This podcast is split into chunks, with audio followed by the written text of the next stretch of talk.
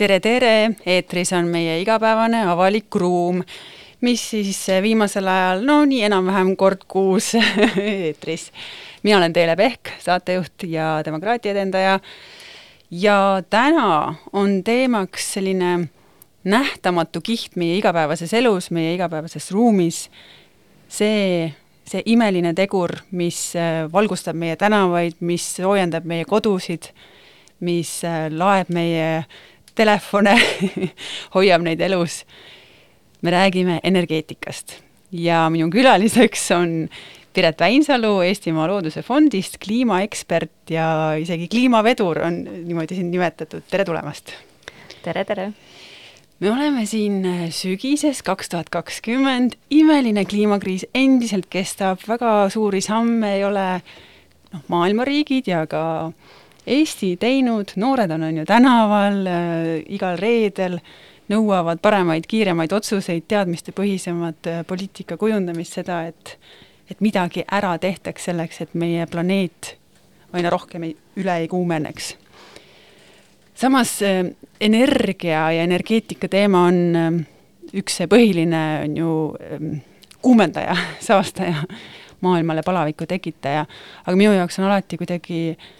kui ma hakkan energeetikast mõtlema, see on nii kompleksne, et kas sa, Piret, suudad kuidagi selle seose tekitada või, või, või vaatame, kui lihtsalt sa suudad selgitada energia ja kliimamuutuste seost? no ega see ju tegelikult ei ole väga raske, me kõik oleme kuulnud sellest, et fossiilseid kütuseid põletatakse ja, ja see tekitab süsihappegaasi ja mis omakorda soojendab kliimat, et, kui tekib kasvuhooneefekt, et selles mõttes ju ei ole siin midagi keerulist, et kaevame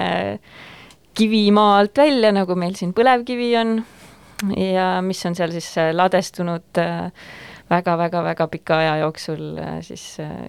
tegelikult ju on jah, tegu ka kunagi olnud taimse, taimse materjaliga, mis või loomse materjaliga, aga mm,? jah, et nüüd me siis vabastame seda väga suures koguses mm. -hmm. ja fossiilsed kütused ongi ju see kurja juur, et endiselt ka need riigid, kes äh, muidu deklareerivad, et nad on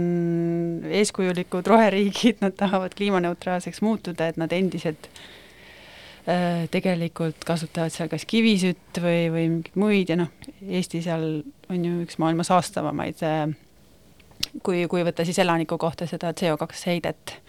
jah, et me ei ole sellest lahti saanud, et eks see probleem on olnud, et et fossiilkütused on nii odavalt kättesaadavad olnud senimaani, eks nüüd on muidugi äh,, ei ole enam niimoodi, et paned kirka maasse ja tuleb äh, nafta purskab välja, et peab juba rohkem vaeva nägema, aga sellegipoolest on juba nagu mindud seda rada, et äh, et, äh, et kui juba nagu osatakse, osatakse sellist ühte tehnoloogiat, siis noh, natuke sügavamale kaevata veel natuke sügavamale ja noh, saab ikka, ikka sealt kätte parajalt energiat, et see on lihtsam kuidagi seda rada edasi minna mm. -hmm. aga proovikski rääkida, mitte niivõrd kinni olla selles, mis meil siin praegu paratamatult toimub, vaid võib-olla rohkem kuidas peaks, kuidas võiks olla, et see tulevikuvaade ja ka siis jõuda selleni, et mida iga inimene ise saab teha selleks, noh, ilmselgelt äh, eestimaalased ei saa äh, ise kuidagi põlevkivi sõltuvusest äh, väljuda, aga, aga võib-olla saavad midagi kaasa aidata. et mis on näiteks Euroopa Liidus selline suund, et me teame rohelepet ja, ja seda, et tegelikult fossiilkütuste või fossiil, jah, fossiilsele energiale enam nagu toetusi ei jagata, aga mis see, mis see suund siis on? Mis need alternatiivid üldse on? no oleks ju nii, et enam ei jagata toetusi, et tegelikult ikkagi jagatakse päris palju mm. aga vähemalt, vähemalt selline suund on sinnapoole jah, et, et ei toetataks fossiilkütuseid ja et Euroopa enda selline avalik raha läheks rohepöördesse. et Mm, et jah, see kaks tuhat viiskümmend aastaks kliimaneutraalsuse saavutamine on äh, selline maamärk, mis on nüüd, nüüd äh, kokku lepitud. aga eks, eks see on ju ka kaugel, et äh, me oleme siin sellest kolmkümmend aastat veel eemal ja peaks pigem vaatama, et mis siin lähikümnendil äh, toimub. ja eks praegu ka ju Euroopa Liit on otsustanud tõsta ka järgmise kümne aasta sellist äh, kliimaambitsioonikust, et et Euroopa tasandil äh, on aru saadud, et, et on vaja kiiremaid samme. Ja eks Eesti peab sellega paratamatult kaasa minema, kuigi me ei ole siin äh, kliimavedurid riigina aga mida Euroopas siis äh, alternatiivina tuua, tuuakse või kust see energia meil tuleb, noh, juba praegu mingis osas on ju ja, ja tulevikus, kus ta veel rohkem tuleb? no eks osad riigid on siin juba varem alustanud, äh, näiteks Taani on selline eesrindlik tuuleenergiamaa, tuuakse ikka esile, et, et nad juba seitse, seitsmekümnendatel alustasid äh, selliste energiakooperatiivide ja tuu-, tuulikute sellise ühise rahastamise ja ühisomandiga, et äh, nüüd, nüüd siin ka Eesti vaikselt uurib, et kuidas selliseid äh, häid näiteid teistest Euroopa riikidest ära kasutada ja ka Eestis rohkem rakendada, et inimesed tahaksid ka taastuvenergiat oma koduõuele ja jah, eks siin äh, ongi põhilised lahendused päike tuul. Äh, Põhjamaades on muidugi palju hüdroenergiat, millel on ka muidugi omad keskkonnamõjud. Äh, et Eestis siin hüdro ei ole kindlasti eriti võim-, võimalust kasutada, meil ei olegi selliseid jõgesid. aga päikese, päikese ja tuuleenergia, meil on potentsiaali siin kas või päikse puhul näiteks sama palju kui Saksamaal, et ei jää üldse alla mm. -hmm. ja need plaanid on siis eh, püsime veel Euroopa, Euroopa raames ja siis tuleme Eesti juurde konkreetsemalt, et et kas Euroopa Liidul on ka mingeid noh, kui me võtame Euroopat kui sellist rohemuutuse nagu nügijat samal ajal teise käega on ju jagab veel fossiilsetele kütustele toetusi, et, et et äh, kas mingid konkreetsemad plaanid on ka juba paigas või, või sellised, noh, sihid, et selleks aastaks äh, taastuvenergiaga nagu sinnamaale vaja jõuda kõikides riikides? Äh, jah, iga riik on omaenda sihid kehtestanud, et Euroopal on selline üldeesmärk erinevates siis valdkondades, et kas siis energiatõhusus või, või taastuvenergia selline üldine osakaal näiteks aastaks kaks tuhat kakskümmend see oli nüüd siis äh, kakskümmend protsenti. Äh, mm, ja aga siis iga riik annab siis teada, kui palju, kui palju ta ise siis panustab sellesse, et et seda üle-euroopalist eesmärki täita, et kõik riigid siin sel aastal esitasidki oma riiklikud energia- ja kliimakavad, ehk siis seal nad kirjeldasidki siis ära, et kui palju nad on siis valmis panustama aastani kaks tuhat kolmkümmend, millised eesmärgid nad endale seavad, kuidas nad neid eesmärke täidavad või vähemalt plaanivad täita. ja, ja siis Euroopa Liit nüüd praegu, Euroopa Komisjon siis täpsemalt, kus eesotsas siis Kadri Simsoniga tegelikult, kes on ene-, energeetikavolinik, tema on siis vastutav selle eest, et vaatab kõik need riikide kavad üle ja siis äh, tehakse sealt järeldused, et äh, kas siis Euroopa äh, praeguse seisuga on sellel kursil, et kas riigid on lubanud piisavalt palju teha või, või siis ei ole, et et siis vaadataksegi lähiaastatel siis peavad riigid ka need kavad üle vaatama ja kaks tuhat kakskümmend kolm siis täiendama neid selleks ajaks ja esitama veel oma täiendavaid tegevusi ja võib-olla tõstma ambitsiooni, kui siin on vaja ja niimoodi. et äh, sa ütlesid, et selleks aastaks pidid siis Euroopa liikmesriigid kasutama kahekümne protsendi ulatuses taastuvenergiat, et kas see, kas on teada, et kas see on täidetud või see on allapoole? Ähm,? ma nüüd natuke vastuse võlgu Euroopa koha pealt, ma tean, et Eesti on ületanud oma eesmärgid, Eesti eesmärk oli äh, kui ma nüüd ei eksi, kakskümmend viis protsenti. Äh, ja meie tegelikult juba mitu aastat tagasi saavutasime selle ja mm -hmm. see mhm. tuli enamuses sellest, et, et me oleme lihtsalt ajalooliselt ka kütnud oma noh, nii-öelda ahjusid siis äh,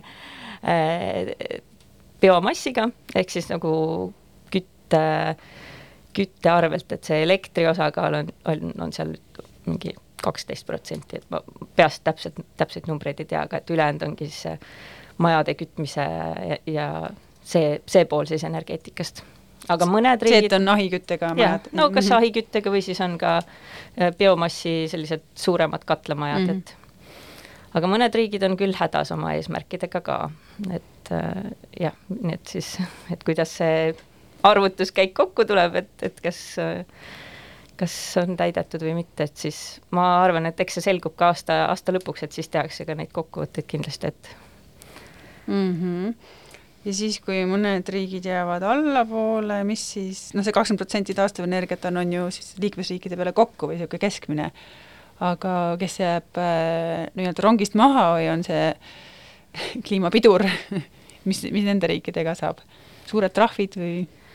Äh, see ongi selline kriitika koht siin, et, et ei ole väga häid äh, mehhanisme, et kuidagi sundida, et, et on nüüd maha jäänud ja ei ole täitnud neid eesmärke. Ja nüüd jah, püütakse siis rohkem ka rõhku jah, panna sellele, et kuidas siis motiveerida riike, et kui nad ei täida oma eesmärke, et mis siis, mis siis, kuidas neid siis karistada saab. et ähm,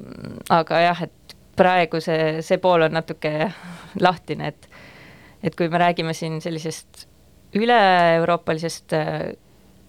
kauplemissüsteemist, süsinikuga kauplemise süsteemidest, siis, siis näiteks riikidevaheline kauplemissüsteem on ka loodud, siis, siis ähm, teda kutsutakse mitte ETS-sektoriks, ehk siis äh, väljaspool sellist energeetika ja suurtööstuse sektorit, sellised äh, teised, ütleme näiteks nagu transpordisektor kuulub sinna alla, et, et sellise, sellel kauplemissüsteemil on selline üle, üle-euroopaline e ähm, üle-euroopaline siis äh, süsteem, et kui üks riik siis äh, ei täida oma eesmärke, siis ta peab teistelt riikidelt juurde hakkama ostma neid äh, süsinikukvoote nii-öelda, et, et siis lõpuks oleks see tasakaal, et siis seal on selline riikidevaheline kauplemine äh, sisse viidud, et et siis keegi ei saa öelda, et ma ei täida, mis siis, et siis ta peabki juurde ostma teistelt. Ja siis teiste riikide äh, hea, jaoks on see hea, kel, kellel on äh, võib-olla neid üle, nad saavad sellest kasu teenida, juba ette mõelda, et ahah, et äh, ma võiksin natukene veel rohkem teha ja siis äh, saaksin neid maha müüa, aga noh, seal on, see on palju keerulisem selles mõttes, et vahepeal ei ole kedagi, kes neid osta tahaks ja jah, see on üsna algusjärgus veel. et see ei ole niisugune kõige parem süsteem siis jah? nojah, seal on teoorias see võiks toimida, aga aga jah, et kuidas see siis päriselt, kas see hakkab hästi tööle, nagu ka selle e, siis ETS-süsteemiga, mis on siis see e, tööstuse ja energeetikasüsteem üle-euroopaline, kuhu ka põlevkivi kuulub, sellest kindlasti on kuskil siin ku-, kuuldud, et, et pea, peame ostma kvoote et see on, see on, see süsteem on juba pikemalt olnud, seal on siis ettevõtted ise peavad neid ostma, et kui nad saastavad liiga palju. aga, aga see, see, et see hakkaks mingit efekti omama, see on ka võtnud siin kümmekond aastat, et nüüd lõpuks, lõpuks on see CO2 hind kalliks läinud ja siis põlevkivitööstus ka peab mõtlema, et mida, mida teistmoodi teha, et nii enam edasi ei saa, et, et see võtab aega, jah mm. -hmm no väga põnev, eks see põlevkivi tekitabki palju kirgi.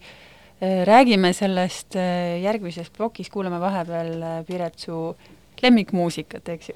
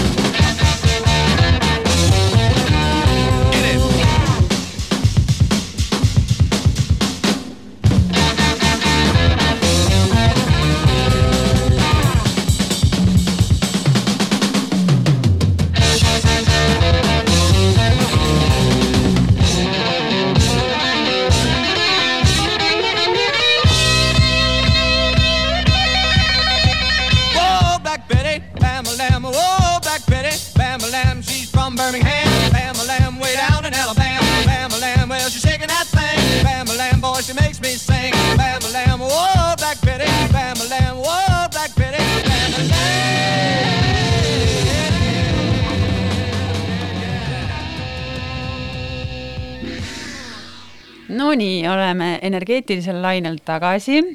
Piret Väinsaluga Eestimaa Looduse Fondist räägime siis energia tulevikust, tuleviku energiast.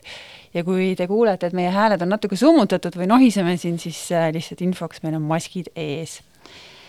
nii, teeme selle asja selgeks, Piret, et äh, miks see põlevkivi nii halb siis ikkagi on, et miks me, miks me ei saa seda Eestis alles hoida?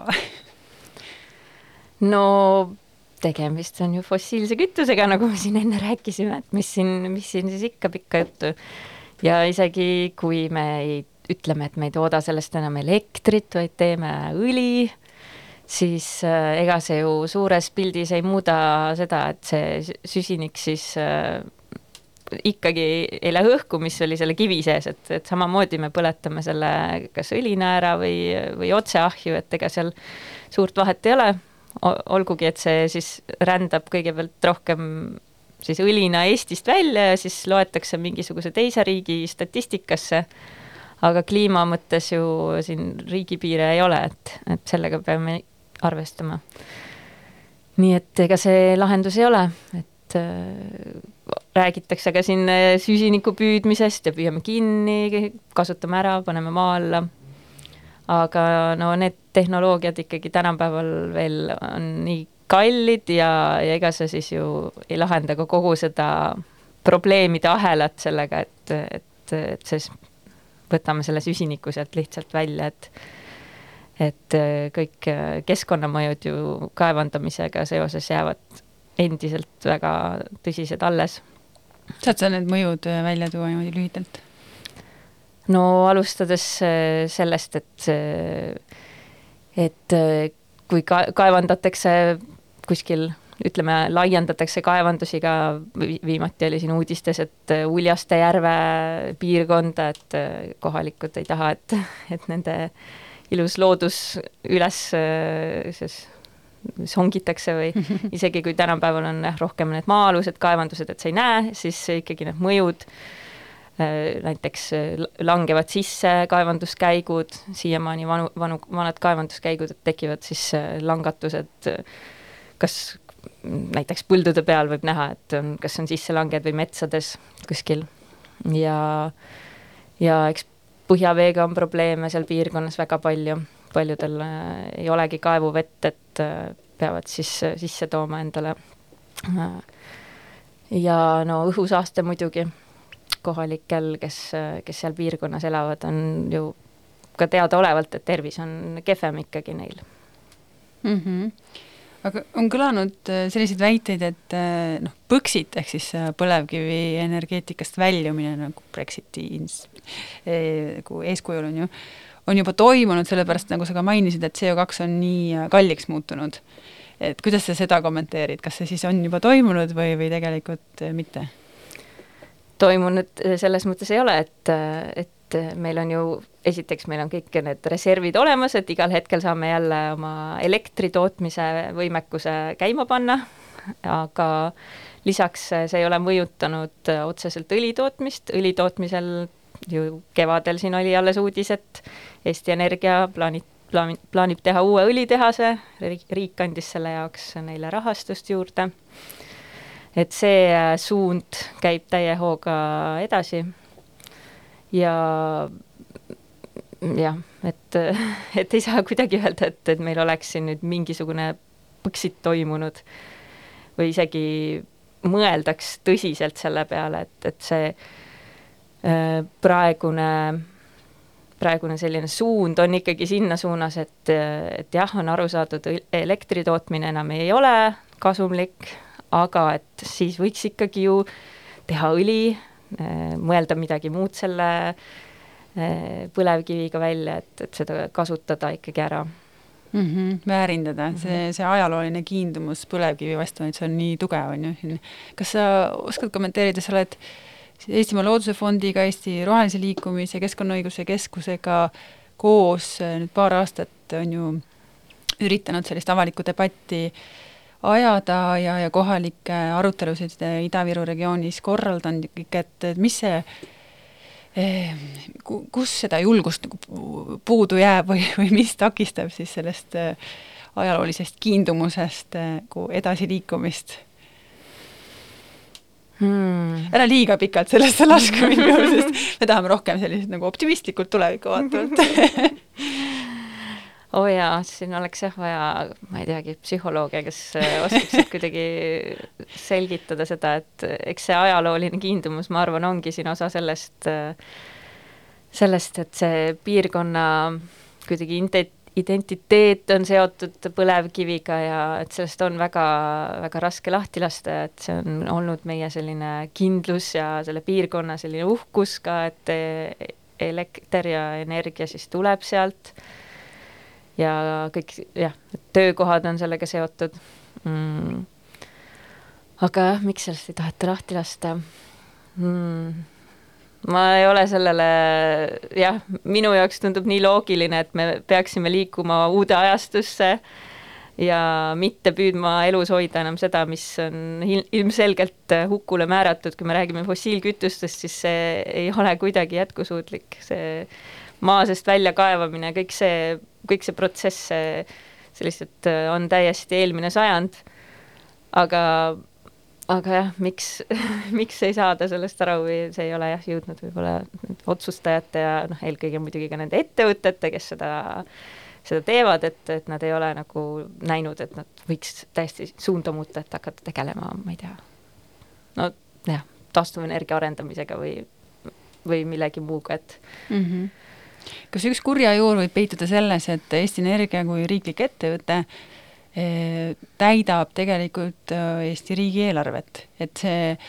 noh, eh, enamus ikkagi energiast tuleb, meil on ju põlevkivist, paar aastat tagasi oli see seitsekümmend protsenti lausa, et noh, nüüd on see osakaal vähenenud, aga endiselt, et mm. riigieelarvet on vaja täita, auke lappida ja, ja seal ongi see sõltuvussuhe sees jah, eks see ongi selline näiline täitmine, et äh, iga aasta saab äh, dividende võtta Eesti Energiast, erinevad äh, tasud, aga ega keegi ei ole kokku arvutanud, et kui palju on tegelikult seoses sellega neid kulusid, mis pärast me peame keskkonda parandama siin, reostust likvideerima, inimeste tervisega tegelema, et sellist, sellist täielikku analüüsi ei ole selles mõttes tehtudki, et, et riigikontroll küll ka kahe tuhande kaheteistkümnendal aastal äh, uuris seda ja leidis ka, et äh, iga aasta mm, ma nüüd võib-olla täpselt seda arvu ei mäleta, aga kas see oli sada viiskümmend miljonit või midagi sellist äh, ri-, riik siis nagu peab maksma peale, tol hetkel siis oli nende arvutuste põhjal, et et äh, praegu see no, maksma peale siis põlevkivi kaevandusest tekkivatele no,, tekkivate mõjude nagu seal, seal olid jah, süsiniku, süsinikukvoodi ostmised ja kõik sellised asjad mm, -hmm. et et seal ei olnud ka nagu täielikult mingisugust mm, päris täielikku analüüsi tehtud, aga mingi osa siis võetud, et et aga seda jah, seda oleks ka päris raske välja arvutada muidugi, et kõik, kõik mõjud, mõjud kokku võtta ja siis rahasse panna, et mm. -hmm. ja aga noh, sellist terviklähenemist tihti kahjuks jääbki ju puudu, et me vaatame ainult seda ühte sektorit, ühte tööstust ja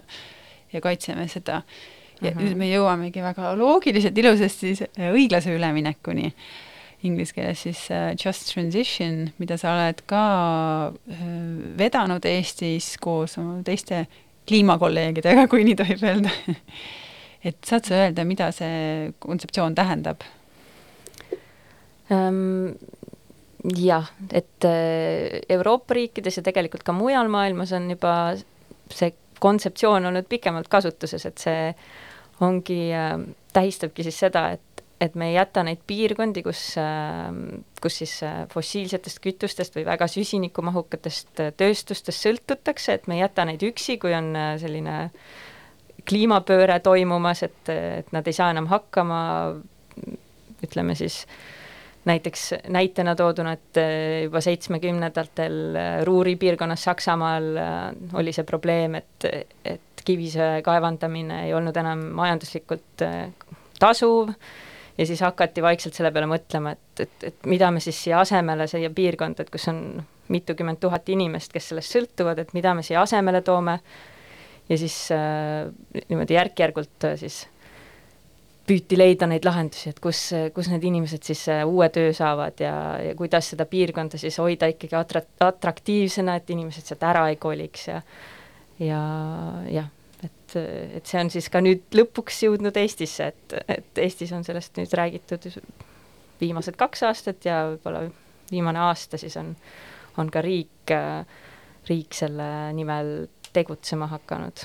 mm. -hmm. ja mida täpsemalt siis räägitakse, et noh, paljuski räägitakse tänu sinu südikale tööle ka, on ju, ja teatakse seda äh, mõistet, aga noh, kuidas seda Eestis sisustatakse? Eestis äh, ütleme jah, kui meie alustasime, siis see termin ei olnud äh, üldse teada, et me pidime ise mõtlema, et kuidas see just transition siis eesti keelde tõlkida. Ja noh, niimoodi see püsima on jäänud, et õiglane üleminek, et äh, nii nagu me alguses välja mõtlesime. aga et meie võib-olla jah, nagu tõime inimeste teadvusesse, et see selline asi on olemas ja kutsusime siin ka teistest riikidest Äh, siis inimesi rääkima, et kuidas on mujal kogemused ja korraldasime ümarlaudu, aga ma arvan, et see viimase aja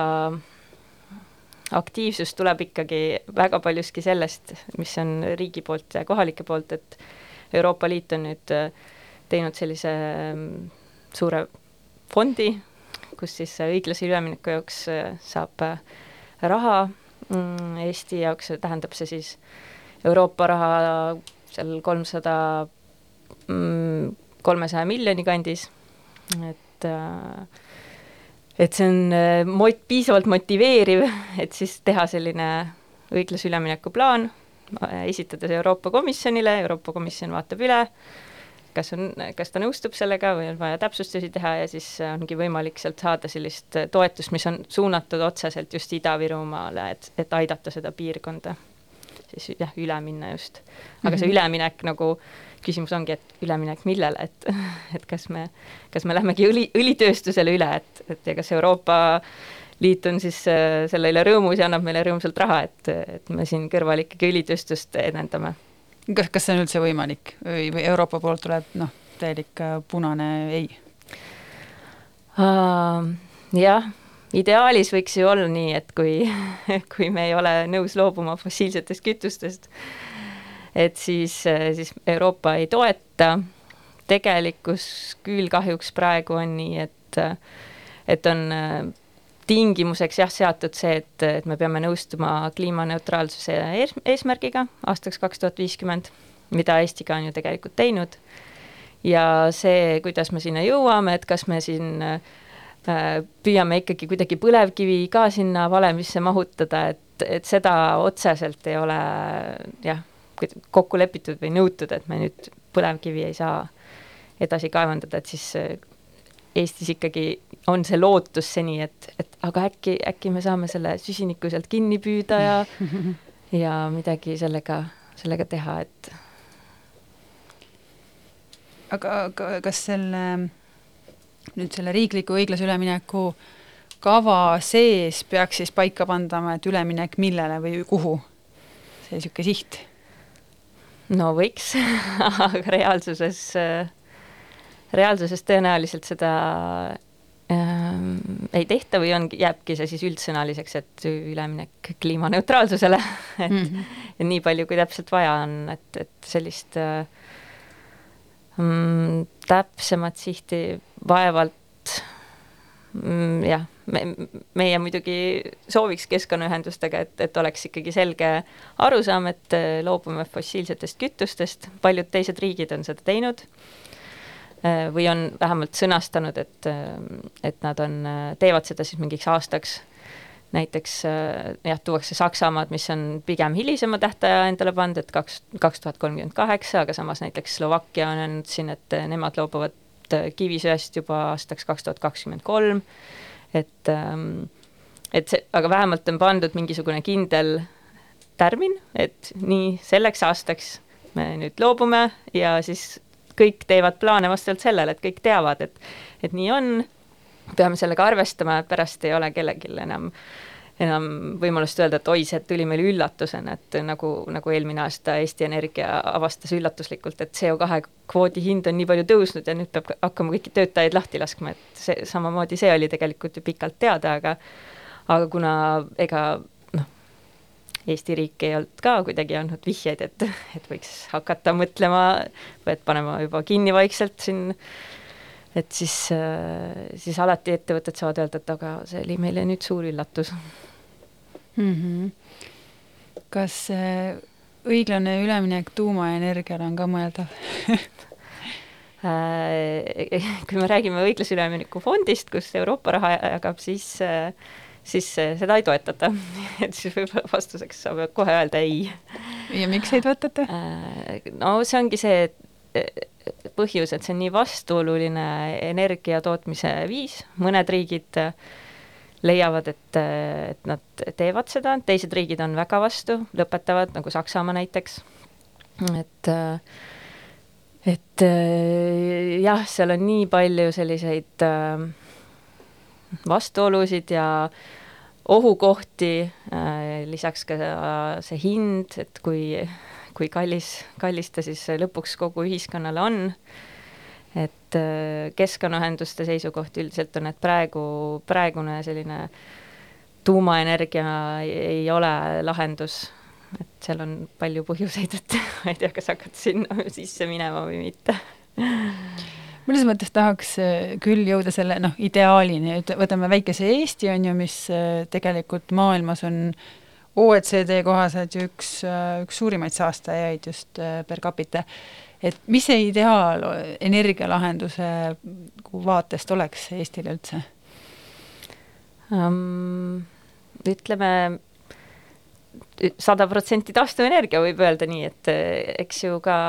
selliseid äh, kavasid on tehtud ka Eesti Taastuvenergia Koda on ju sellise sada protsenti taastuvenergia visiooni aastaks kaks tuhat kolmkümmend loonud, et see on võimalik, aga, aga see muidugi tähendab seda, et me ei ole selline omaette saar päris, et, et me peame ikkagi omama ühendusi teiste riikidega, et vajadusel siis tasakaalustada, kui meil siin ei ole piisavalt tootmist, et, et mujalt sisse osta energiat ja, ja eks sinna juurde käivadki ju siis salvestuslahendused. räägitakse sellest, et taastuvenergia on väga ebastabiilne, mõni päev on, teine päev ei ole, et, et siis kindlasti peab olema mingisugune baasenergia tootmine ka seal taga. et äh, päris, äh, päris sellega selles mõttes nõustuda ei saa, et et, et kindlasti peab olema baas, aga et kui seal on juba see võrgu, heade võrguühenduste osa teiste riikidega ja siis lisaks veel siis äh, salvestuslahendused, eelkõige just äh, ka sellised suuremad äh, salvestused nagu Paldiskisse tuleb siin, plaanitakse pumphüdrojaama, mis on viiesaja megavatine, mis on päris, päris suur, et kui mõtleme, et siin suve tarbimine võib-olla ongi, ongi sellises mahus umbes Eestis. Ähm, ja jah, et kui me vaatame, et mis on need sellised juhitavad elektri tootmise võimalused, siis taastuvast muidugi puit, aga see, see on ka selline, et saab olla võib-olla minimaalselt, minimaalselt, et mis see jätkusuutlik tase on, et me ei, ei põletaks oma, oma metsasid energiaks, et et, et kindlasti sellel ka on oma, oma roll, aga see ei saa olla väga suur mm. -hmm. et kuidagi siis taastuvenergia all mõelda kombineeritult äh, päikest, tuult äh,, hüdro, noh, vett ja, ja, ja puitu, aga, aga et proportsioonid oleksid paigas ja. jah, see oleks vaja hästi läbi mõelda, et aga selles äh, Põxit kaks tuhat kolmkümmend viis rahvaalgatuses, mille roheline liikumine ja vist ELF oli ka seal, on ju mm, -hmm ja paljud teised keskkonnaühendused tegid, et noh, et me paneks selle tärmini, on ju, põlevkivist väljumisele, mitte, mitte ei lükkaks seda kaugesse tulevikku. seal oli ka, et sellised äh, mikrotootjad või noh, et kohalikud autonoomsed äh, energiajaamakesed või, või kas või kuhu, ma ei tea, pereelamutel on ju endal, et kas see on ka Eestis mõeldav tulevik või on see hetkel liiga kallis või, või noh, teostamatu? see on kindlasti just selline taastuvenergia suur plusspunkt, et et see ongi, võimaldab sellist energiademokraatiat, et energia ei toimu kuskil, energia tootmine ei toimu kuskil kaugel ühes kohas, vaid see on inimestele palju lähemal ja see ka kuidagi saab siis äh, võimestada neid kogukondi rohkem, et, et äh, kas siis äh, tekivad energiaühistud või, või siis inimesed, kes iseenda katusele panevad päiksepaneelid. Et see, see on kindlasti üks osa sellest taastuvenergia nagu paketist või tuleviku, tulevikupildist, mis, mida peaks, peaks soodustama energiademokraatia, väga lahe termin. Et e, ma tean, et Arengufond, kui ta veel eksisteeris, oli see aasta kaks tuhat neliteist, just energiaühistuid noh, aitaski kuidagi võimestada, käivitada, võrgustada omavahel, et, et neid tollel hetkel ei olnud nagu liiga palju Eestis. kas sul on info, et, et kas see on nagu paranenud sellised autonoomsed piirkondlikud, on ju, energiatootmise üksusekesed, on neid juurde tekkinud või on see kuidagi seaduslikult väga keeruline? no selle programmi raames jah, tehti esimesed sammud tõesti, et ma mäletan ka seda, et, et loodi vist äkki mingi näidis, näidispiirkond või kus, kus midagi läks käima. aga nüüd, nüüdseks jah, pärast seda siis on, on need seadused muudetud lihtsamaks, et oleks äh, rohkem võimalik siis luua selliseid äh, kohapealseid energiatootmisvõimalusi. aga muidugi see on kõik Eestis alles väga algusjärgus, et kui teiste, teiste riikidega ka võrrelda, et siis, siis ähm, aga jällegi Euroopa poolt on see suund ka tugevalt äh,, mis su survestab, et see võiks olla suurem teema ja ka näiteks Majandusministeerium on võtnud selle üheks äh, prioriteediks või suunaks, et jaa, et me peame ikkagi Eestis äh, energiakogukondasid arendama, et loodetavasti siis äh, seda tehakse nii hästi, et ikkagi, ikkagi sellest sünnib ka selliseid kogukondi. kas energiakogukondadel on ka mingi katusorganisatsioon või selline huvikaitsja olemas? Ma arvan, et praegu see on ikkagi äh, taastuvenergia koja teema, mis äh, üldiselt esindab ikkagi ettevõtteid, taastuvenergia ettevõtteid, et äh, sellist eraldi organisatsiooni ma ei tea, et oleks mm. -hmm. aga võiks teha kellelegi mõni hea mõte. energiademokraatia MTÜ näiteks see oleks jah, võtaks järgmiseks projektiks see oli, mm, ühe sellise paradoksini tahaks ka tulla veel, et äh, kui me räägime energia tarbimisest, siis äh, jõukuse kasvades kogu aeg kasvab ka energia hulk, mida me vajame igapäevases elus ja ka tegelikult tehnoloogia arenedes. et äh, ühes varasemas saates ma rääkisingi kestliku arengu paradoksidest, seal oli Jevonsi paradoks see, et tehnoloogia tõhustudes on ju tegelikult me vajame kogu aeg rohkem energiat, sellepärast et a la tulevad elektriautod tänavatele siis inimesed tunnevad seda, et oo, ma nüüd tohin ju nagu rohkem sõita, sest ma olen nii keskkonnasäästlik. Mm -hmm, noh, noh, kui see energia sinna autosse tuleb põlevkivist, siis see ei ole midagi keskkonnasäästlik, on ju. et siis selle tõttu, selle sellise nagu psühholoogilise kuidagi äh, tunde tõttu energia tarbimine kogu aeg kasvab. Ja, ja et see pidi olema üks valem ka et, et üks protsenti skp kasvu tähendab null koma viis protsenti elektritarbimise kasvu. kuidas me sellest nõiaringist välja pääseme või kas kas keskkonnaorganisatsioonid näiteks sellele ka tähelepanu pööravad, et kuulge, et noh, vaatame radikaalselt oma elustiili üle ja tegelikult on meil vaja siin ka riiklikult suunata sellele, et, et ma ei tea, me ei hoia neid tulesid kogu aeg sees ja et me transpordist äh, vähendaksime nagu eratranspordi osakaalu ja kõike sellist? Jaa, me aina rohkem, ma arvan, oleme ka mõelnud ja võib-olla vähem jõudnud tegutseda, aga mõelnud selle, selle suuna peale eelkõige jah, just sellest vaatevinklist, et äh, ega ka ei piisa, kui me asendame ühe, ühe energiatootmisviisi teisega ja jätame siis kõik ülejäänud süsteemi samaks, et, et see, see ei lahenda ju kõiki, kõiki neid ületarbimise probleeme, mis meil, mis meil on. aga ja üldiselt see mm, kui me jah, räägime energia tarbimise kokkuhoiust, siis, siis ikkagi mm, ma julgeks arvata, et, et majade näiteks parem soojustamine annab väga suure efekti ikkagi hoolimata sellest, et, et jah, et võib-olla me siis natuke paneme endale üks kraad soojemaks selle temperatuuri, et siis seda valemit ikka järgida. aga, aga kokkuvõttes sealt tõenäoliselt ikkagi tuleb, tuleb ka mingisugune energia kokkuhoid, aga aga see on jah, see on jah, see on päriselt probleem, et kas me räägime energia efektiivsusest või tõhususest, mis võibki tähendada seda, et jaa, me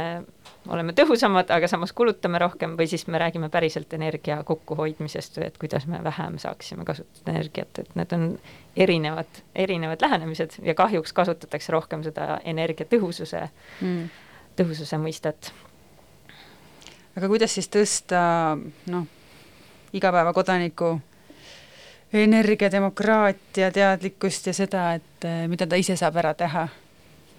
on sul mõned soovitused niimoodi raadiokuulajatele no kõige parem on ikkagi, ikkagi olla ise, ise jah, teadlik nendest teemadest ja ka nõuda poliitiliselt muutusi, et, et need ehm, kas olenevalt siis, et ma ei tea, inimesed, kes elavad Ida-Virumaal, et nad reaalselt mõtleksid kaasa, et praegu on see õiglase ülemineku protsess käimas, et nad, ma ei tea, kirjutaksid äh, kas kohalikele omavalitsustele või tunneksid siis äh, huvi nende seminaride või või siis äh, arvamuskorjete vastu, et, et kus iganes võimalik kohe öelda välja oma, oma arvamus, isegi, isegi kui tänapäeval meie see võib-olla kultuur, demokraatia kultuur on ikkagi üsna algusjärgus, et, et kui palju siis seda minu arvamust nüüd ikka arvesse võetakse, aga mida rohkem me ise, ise trügime oma arvamusega, siis, siis ma arvan, et on raskem ka ignoreerida seda mm. -hmm. Eestimaa Looduse Fond on pannud väga hea infomaterjali üles kodulehele kliimamuutused.ee, kus on selline lihtsalt, üldsõnaliselt, aga noh, teaduspõhiselt